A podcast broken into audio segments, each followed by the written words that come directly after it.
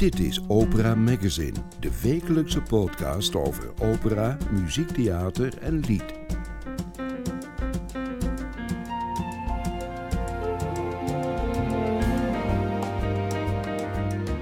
In deze aflevering van Opera Magazine hoort u Opera in beeld en geluid. Met onder meer hoe een moeizame coronaproductie van Le Nozze di Figaro een fraaie documentaire oplevert. Dat het seizoen van Live in HD in de bioscoop weer begint. En u hoort hoe Denzel de Lare met veel warmte de koude handjes van Mimi bezingt. Welkom bij Opera Magazine.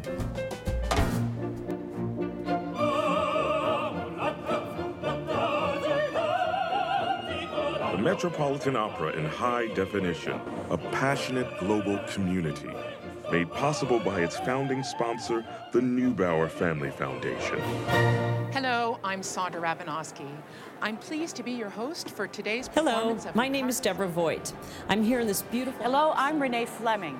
Welcome to our live transmission of Siegfried, the third installment. Binnenkort begint het Live in HD seizoen weer. De Metropolitan Opera presenteert de zaterdagmatinee in New York in een paar duizend bioscopen overal ter wereld. Dicht op de actie op het podium en met bekende operasterren als presentatoren. Regisseur Gary Halverson, bekend van tv-series als Friends en Two and a Half Men, maakte voor Live in HD al meer dan 80 registraties van opera's. We spraken hem vorig jaar in de tijd dat de Met alleen online bestond. Vanuit zijn huis in Marina del Rey vertelde hij hoe de week voor de uitzending er voor hem uitziet. Het begint met een script aan de hand van een werkvideo en dan wordt het maandag, vijf dagen voor de uitzenddag.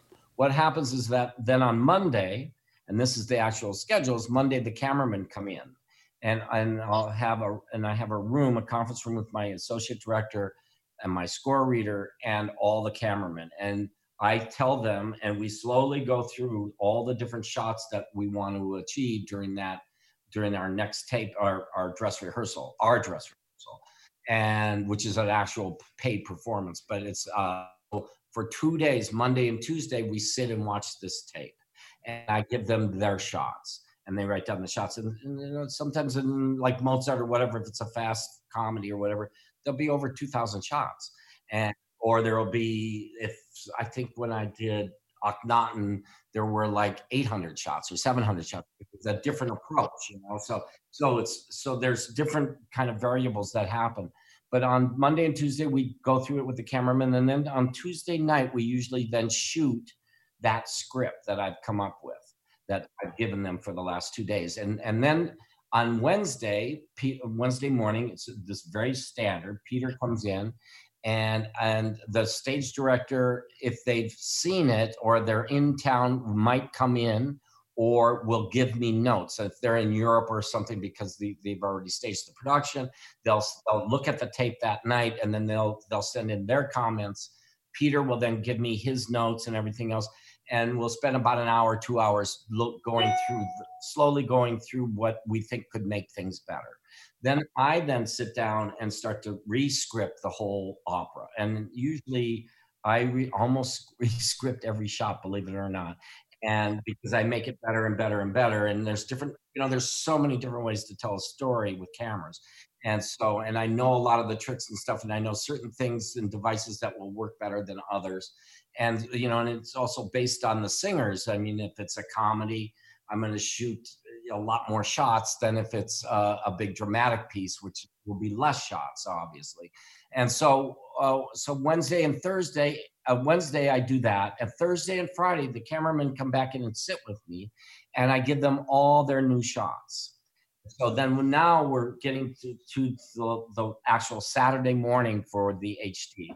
And so on Saturday morning, we have one more session with the cameraman for about an hour and I review all the really tough parts of the opera, this tricky sections and stuff. And people are having trouble remembering this singer's going to go over there, and they got to zip the camera over there, and we got to do this.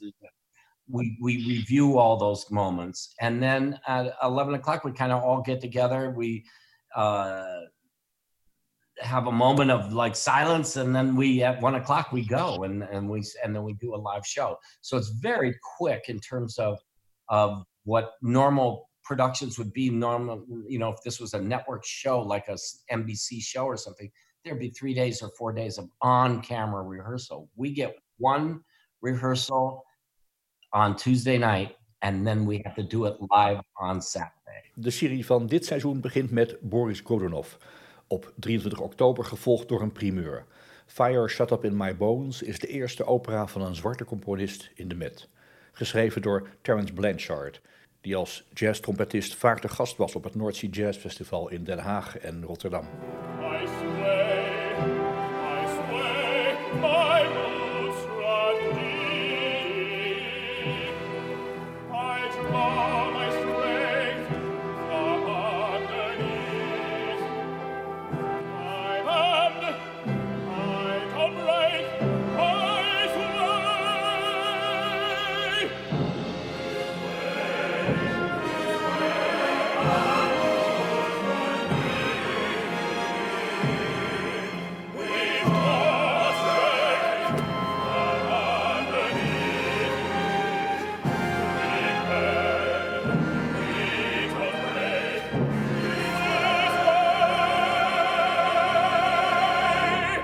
U luistert naar Opera Magazine. words, possession of the beggar and the king. Everybody, every day, you and I, we all can say words, regarded as a complicated tool, created by man, implicated by mankind. Words, obsession of the genius and the fool. Praten over klassieke muziek, dat verveelt nooit. U kent deze podcast, want daar luistert u nu naar. Maar er zijn er meer, veel meer. Nieuw is Klassieke Klets. Sinds kort geproduceerd door Tivoli Vredenburg in Utrecht. Waarom grijpt een zangstem je bij de kladden? Misschien heb je het onderhand wel eens gehad met heel die Matthäus Passion. Wat in 's hemelsnaam is neoclassiek? En Puccini is dat dweilmuziek of een pleister op elke wonde? En foute mensen maken die per definitie ook foute muziek? Dat zijn de vragen die de twee makers behandelen. En wie die twee zijn, vertelde Guido van Oorschot in de eerste aflevering. Hier in de prachtige nieuwe podcaststudio van Tivoli Vredenburg eh, zit ik, Guido van Oorschot, aan tafel met Joris Heijnen. Wij eh, zijn twee enorme muziekliefhebbers. Ik ben een beetje een oude rot en Joris is een jonge god. Eh, hij is een Bedankt. pop, een pop Ja. millennial en ik ben een beetje een klassieke nerd van bijna 60. Ik ben freelancer, schrijf veel voor de Volkskrant. En jij bent de hoofdredacteur van het klassieke muziektijdschrift van Nederland. Luister, Het thema is klassieke muziek. En de tweede aflevering is helemaal gewijd aan de stem. Maria Callas en Lise Davidsen komen aan bod. Maar de heren hebben ook interessante bespiegelingen over bijvoorbeeld de nadruk op tragiek in veel muziek. Ik geloof er echt heilig in. Geluk heeft veel minder kanten dan verdriet en ongeluk. Geluk heeft namelijk maar één kant. Je bent gelukkig en dat ben je. Het is een vrij, eh, hoe zeg je dat? Ehm, makkelijke emotie. Terwijl onheil en verdriet en noodlot, dat is veel complexer. En zwaarder. we hier misschien aan een beetje aan de essentie van zingen. Bedenk ik me nu, want we hebben het allemaal over stemmen en het zijn tot nu toe allemaal vrouwen. En daar hangt om de meeste vrouwen ook al een zekere doem en een tragiek omheen. En wat ze zingen, dat is ook allemaal niet om echt vrolijk van te worden. Ehm, is zingen dan misschien ehm, een manier om als luisteraar, zo moet ik het formuleren, beluister je zingen om in het reinen te komen met het idee van de dood? Hoe die vraag wordt beantwoord, hoort u in Klassieke Klets. Te vinden op de website van Tivoli Vredenburg en op alle podcastplatforms. Meer informatie over de onderwerpen uit deze podcast vindt u op de website operamagazine.nl. De Nederlandse reisopera is op tournee met een pocketversie van La Bohème van Puccini. De tour eindigt op 12 november in Carré in Amsterdam. Tenor Denzel de Lare zingt de rol van Rodolfo in de productie. Deze opname van zijn aria in La Bohème werd vorig jaar gemaakt in het programma Podium Witterman.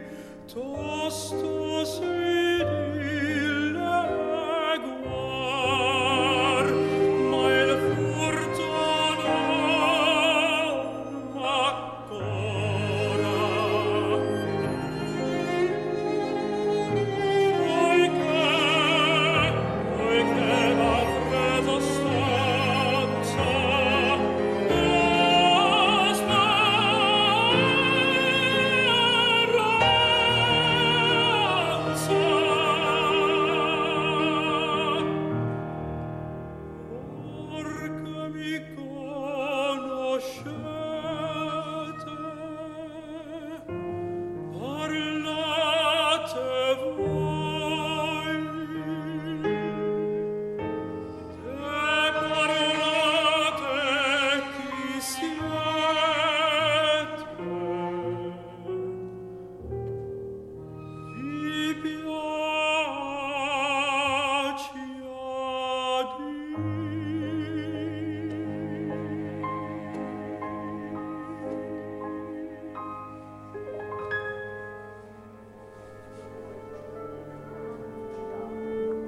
Om het aantal bewegingen en contacten te verminderen gaan alle publiekelijk toegankelijke gebouwen en doorstroomlocaties binnen en buiten voor twee weken dicht.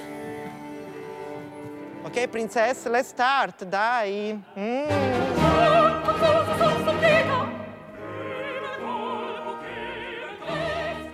I think it's one of the highest point of the production of the humanity. I think, yeah, yes, I think so.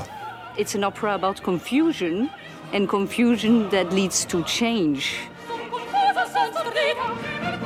You have to be careful because you got a bit too, unfortunately, you got a bit too close to each other by the rules, unfortunately. We don't know what is going to happen. The bad news is we, we will not be able to share our production with a live audience. Let's try to to do something uh, nice out from uh, this mess, right? Let's try to make something nice out of this mess, zegt dirigent Riccardo Minasi bij het redden van de productie Le Nozze di Figaro. Het is een fragment uit de trailer van Crazy Days, documentaire van Sanne Rovers over Le Nozze di Figaro bij het Nationale Opera in coronacrisistijd. Sanne Rovers, fijn dat je even wilt praten over de productie. Kort geleden is je film in première gegaan op het Nederlands Filmfestival. Hoe waren de reacties? Ja, het was een heel, eh, hele fijne eh, première en eh, de, de reacties waren heel erg lovend. Ik heb een hele fijne, warme première gehad met publiek. En dat was wel iets wat, uh, wat de film natuurlijk wel kon gebruiken.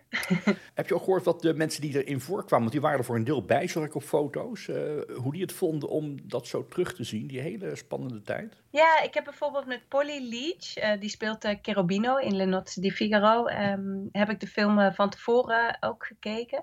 Zij beleefde het allemaal weer opnieuw en ze zei van, oh ja, je vergeet het ook weer snel en je wil het ook wel, je wil het ook graag wel weer vergeten van hoe het toen was en hoe spannend en hoe onzeker uh, die tijd was. En, en ook bijvoorbeeld op momenten zit één, één moment in dat er uh, duidelijk wordt van, nou nu gaat het echt uh, niet meer voor een publiek opge, opgevoerd worden. En dan moet er ook iemand worden ontslagen.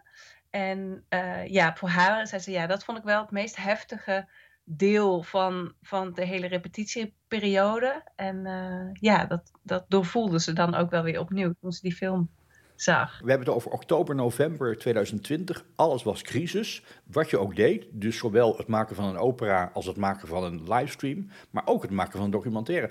Toen je begon, wist je nog eigenlijk nauwelijks wat er kon gaan gebeuren. Hoe ben je begonnen met de productie? De, de Nationale Opera was aan het uh, repeteren. Ze waren eigenlijk al een uh, deel onderweg. Maar ineens werd die internationale productie bedreigd.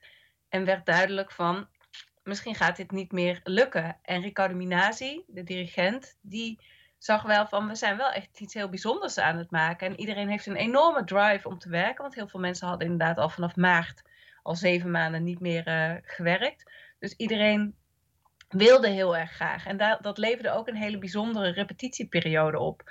Dus zo is het idee een beetje geboren om, om uh, te komen filmen. Um, een paar dagen nadat ik gebeld was, uh, stond ik daar al met een hele crew.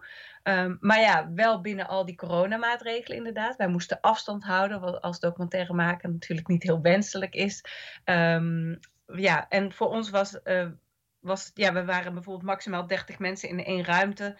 Daar moesten wij ineens ook bij. Dus we was ook wel even zoeken van wat is onze rol, wat is onze plek hier in deze toch wel hectische uh, repetitieperiode. Wat natuurlijk altijd volgens mij uh, in de opera zo zal zijn. Maar nu uh, nog, nog veel meer. Sommige documentaires worden jaren voorbereid, research uitgebreid. Hier was nauwelijks voorbereiding mogelijk. Wat had je bij je aan, of wat had je in je hoofd van ideeën? Nou, ik heb een soort crash course gehad uh, van Riccardo Minasi, de dirigent, en ook van uh, Luc Joosten van hoofddramaturgie over de, over de opera en over de muziek van de, de opera. En dat gaf mij een aantal handvaten van hoe ik uh, dat kon aanvliegen. Ik had met alle hoofdpersonen in de, rondom de repetitie heb ik gesproken, dus dat is cast en crew. Um, waardoor ik eigenlijk in een hele snelle periode toch wel soort voelsprieten kreeg van waar dingen zich afspeelden. En ja, we hadden een soort van draaiboek van we gaan de eerste drie dagen gaan we, uh, gaan we proberen zoveel mogelijk vast te leggen van die repetitieperiode. Dan zal er een persconferentie zijn en wordt er een, ja, is het duidelijk, gaan we weer een week verder of stopt het hier? Nou, toen bleek van, mocht er nog een week verder, nou, dan ga je je plannen wat verder uitbreiden. Ga je ook inderdaad uh, iedereen interviewen. Ben ik bij iedereen thuis geweest? Nou, een week later bleek weer van, oh, we mogen weer een week verder. En zo hadden we een soort van scenario's van per week moesten we toch kijken. We wisten, wij wisten ook niet inderdaad uh, hoe ver we het zouden brengen. Dus we, waren in die zin, zaten we totaal in hetzelfde schuitje als, uh, als de opera ja, veel improviseren. En toch, als je de film ziet, dan is die heel gestileerd en heel doordacht. Uh, uh, had je dat plan van die opera-achtige film? Want het is eigenlijk een opera hè, met een libretto en met aria's die keurig apart zijn uitgelicht en apart zijn gefilmd. Uh, had je dat beeld van ik ga er een opera van maken? Ja, dat wilde ik graag. Ja, ik wilde heel graag in ieder geval de opera um, koppelen aan, aan de realiteit en de emoties die in die muziek zit, om die te koppelen aan wat er op dat moment ook uh, ja, hoog opspeelt in, in, in pandemische tijden. En wat ik, wat ik heel graag wilde, is omdat ja, dat hele gebouw, dat was leeg. En dat, en dat stond daar maar te wachten op publiek in dat lege Amsterdam. En dat vond ik ook wel een heel mooi, dramatisch gegeven.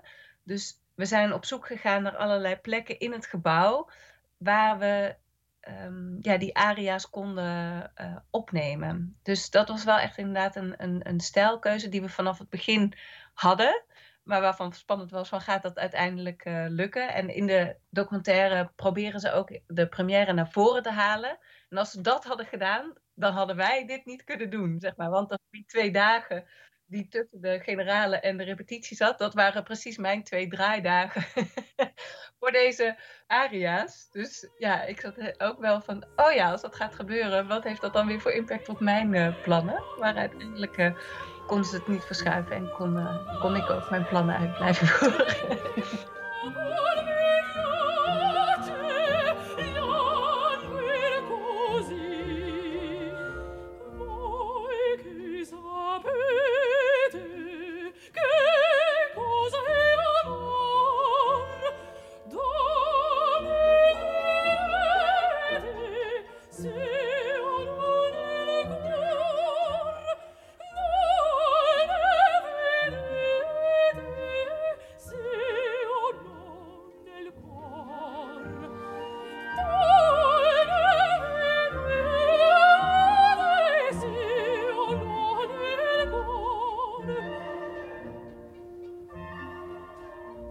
je alle ruimte? Want die operawereld is ook een beetje gesloten. Ik weet er alles van als, uh, als journalist over muziek en over opera. Uh, niet alles mag op tafel, niet alles mag naar buiten. Moest je knokken om alles wat je wilde opnemen ook op film te krijgen? We hebben heel erg de vrijheid gekregen om te laten zien wat wij wilden laten zien. Ik denk ook wel van, nou ja, zij zaten ook wel in uh, zwaar weer. Het was een hele heftige tijd. Van uh, laat maar zien wat dat voor impact heeft. En ook bij directieoverleggen mochten we ook gewoon zijn. Dus we hebben wel echt, een, een echt kunnen filmen wat wij wilden. En dat vond ik ook wel echt heel bijzonder. Dat normaal gesproken begin je natuurlijk inderdaad met een idee. En dan ontwikkelt zich dat langzaam. En dan voordat je echt bent begonnen, ben je altijd een jaar verder of zo.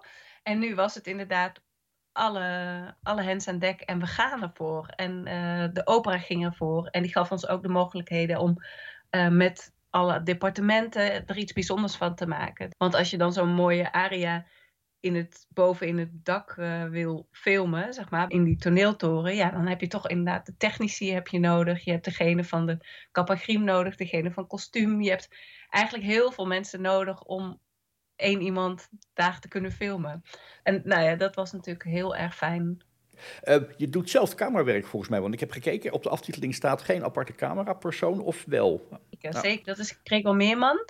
En um, ja, dat was wel heel bijzonder, want hij heeft inderdaad met heel beperkte middelen hele magische shots gemaakt. En ook in documentaire scènes was hij altijd daar op het juiste moment. Uh, en dan realiserend dat we dus inderdaad continu echt afstand moesten houden.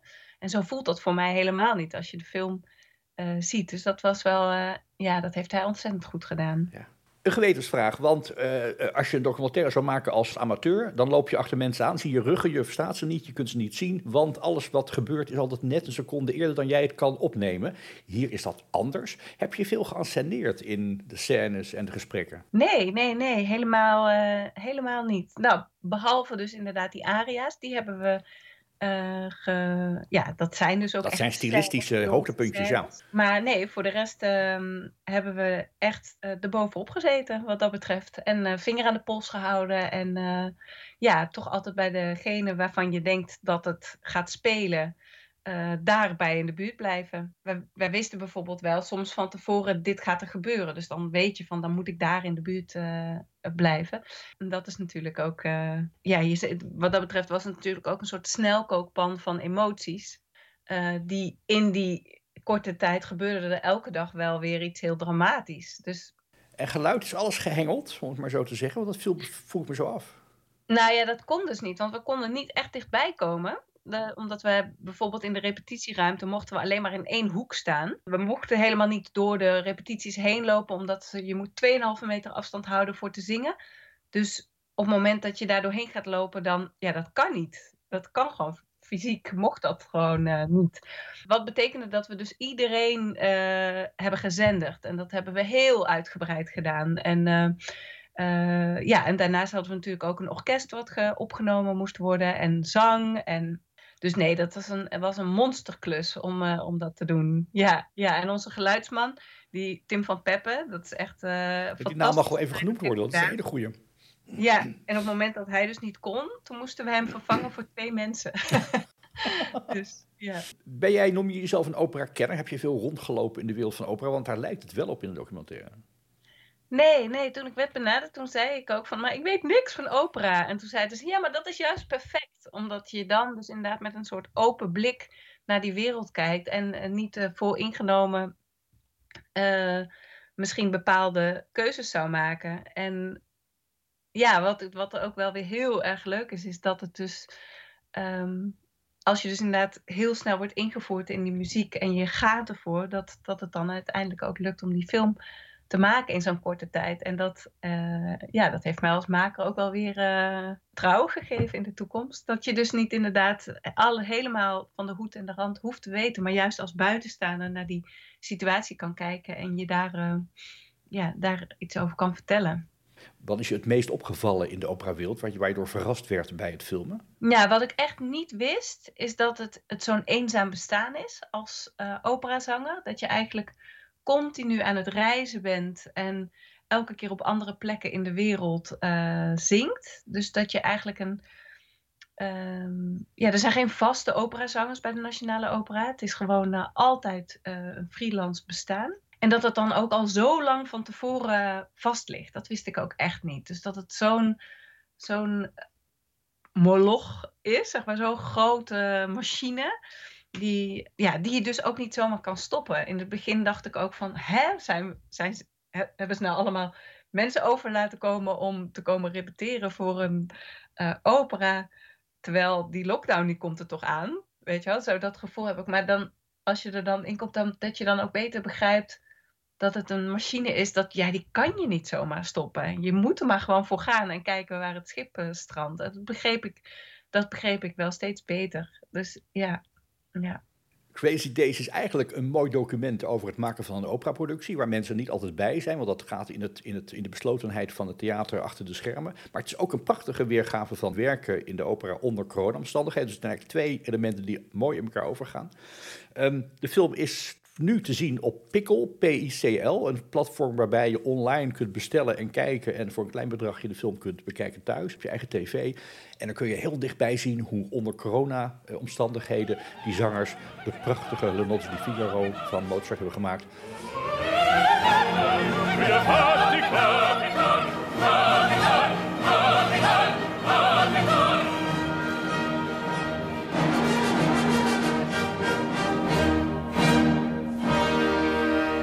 Dat zit wel heel erg voor mij in de film. Dat uiteindelijk die wil om muziek te maken, om iets moois neer te zetten, de, het belang van de schoonheid en het belang van kunst, dat dat uiteindelijk iedereen overeind houdt. Dat vind ik, uh, ja, dat vond ik wel heel erg mooi om te zien. U luistert naar Opera Magazine. The beginning of this opera was a complete administration disaster. You have a project being championed by a socialist president, but Chirac did have a tremendous amount of power in it. The prime minister tells me this project has been cancelled. De Canadese architect Carlos Ott was 35 jaar oud en had nauwelijks bouwervaring toen hij in 1982 uit 750 deelnemers werd verkozen tot winnaar van de prijsvraag voor een nieuwe opera in Parijs, aanvullend op het Palais Garnier in het centrum. Het was een van de grands travaux van president François Mitterrand.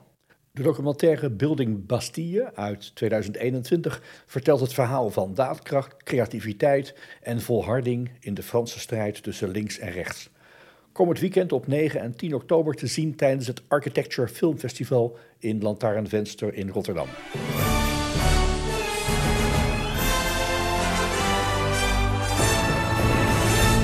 Aria, een zangwedstrijd voor operazangers van Omroep Max begint op zondag 10 oktober. De deelnemers zijn geen onontdekte talenten, maar vocalisten die al een beginnende carrière hebben. In de voorpubliciteit van het programma hebben ze alleen voornamen, maar het zijn al bekende namen onder wie Eleonora Hoe,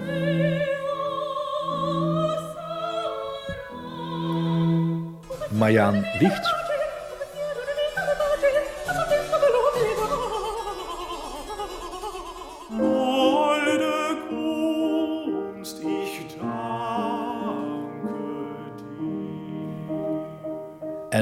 Hugo Kampschreur. Zondagavond 10 oktober, Omroep Max. En daarmee is deze aflevering van Opera Magazine ten einde. Tot volgende keer. Dit was Opera Magazine, productie François van den Anker. Meer informatie en de volledige opera-agenda vindt u op www.operamagazine.nl.